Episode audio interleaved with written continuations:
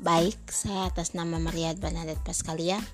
Di sini saya akan membahas tentang pengenalan layanan bimbingan dan konseling.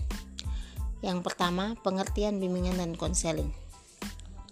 Bimbingan adalah bantuan yang diberikan kepada perorangan atau sekelompok orang agar dapat melakukan penyesuaian diri secara positif dengan diri sendiri dan lingkungannya, serta dapat menghindari atau mengatasi kesulitan-kesulitan di dalam kehidupannya.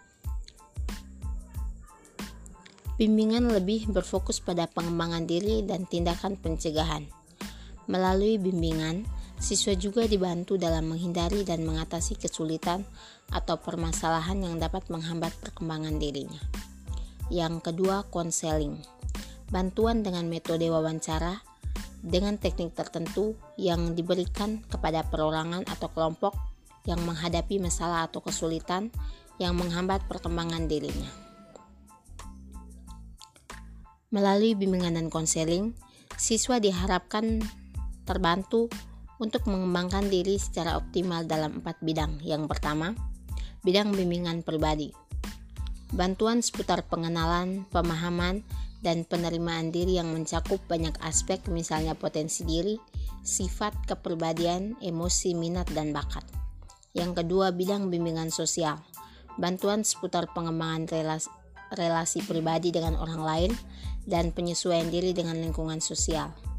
Bidang bimbingan belajar, bantuan seputar cara belajar yang efektif dan kesulitan belajar di sekolah. Bidang bimbingan karir, bantuan seputar pemilihan dan perencanaan karir baik selama studi di SMK atau SMA maupun dunia kerja dan studi lanjut.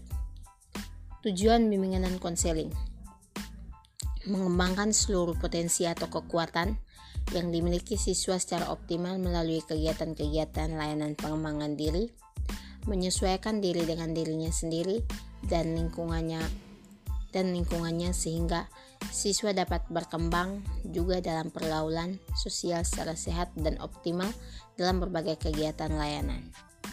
Mengatasi masalah atau kesulitan yang menghambat perkembangan diri siswa dalam bidang pribadi, sosial, belajar, dan karir melalui layanan konseling. Yang keempat, macam-macam layanan bimbingan dan konseling. Yang pertama, layanan orientasi, kedua layanan informasi, ketiga layanan penempatan dan penyaluran, keempat layanan penguasaan konten, kelima layanan konseling perorangan dan kelompok, keenam layanan bimbingan kelompok, ketujuh layanan bimbingan klasikal, 8 layanan mediasi, dan layanan konsultasi. Yang kelima, kegiatan pendukung bimbingan dan konseling. Yang pertama, aplikasi instrumentasi berkaitan dengan penggunaan alat non-tes atau media yang digunakan untuk menyampaikan layanan tertentu atau mendapatkan informasi. Kedua, himpunan data berkaitan dengan pengumpulan berbagai macam data yang digunakan sebagai pendukung untuk melaksanakan kegiatan layanan BK. Ketiga, konferensi kasus berkaitan dengan permasalahan tertentu yang perlu diselesaikan dengan melibatkan banyak pihak. Keempat, kunjungan rumah berkaitan dengan kegiatan mengunjungi rumah keluarga atau komunitas tempat siswa tinggal untuk mencari berbagai informasi mengenai keadaan ataupun luar latar belakang siswa. Terakhir, ahli tangan kasus berkaitan dengan permasalahan tertentu yang memerlukan pengalih tanganan penanganan kasus kepada ahli lain. Kegiatan ini dilakukan jika guru BK tidak berkompeten atau tidak memiliki kewenangan dalam mengatasi suatu permasalahan tertentu yang dialami siswa. Sekian dan terima kasih.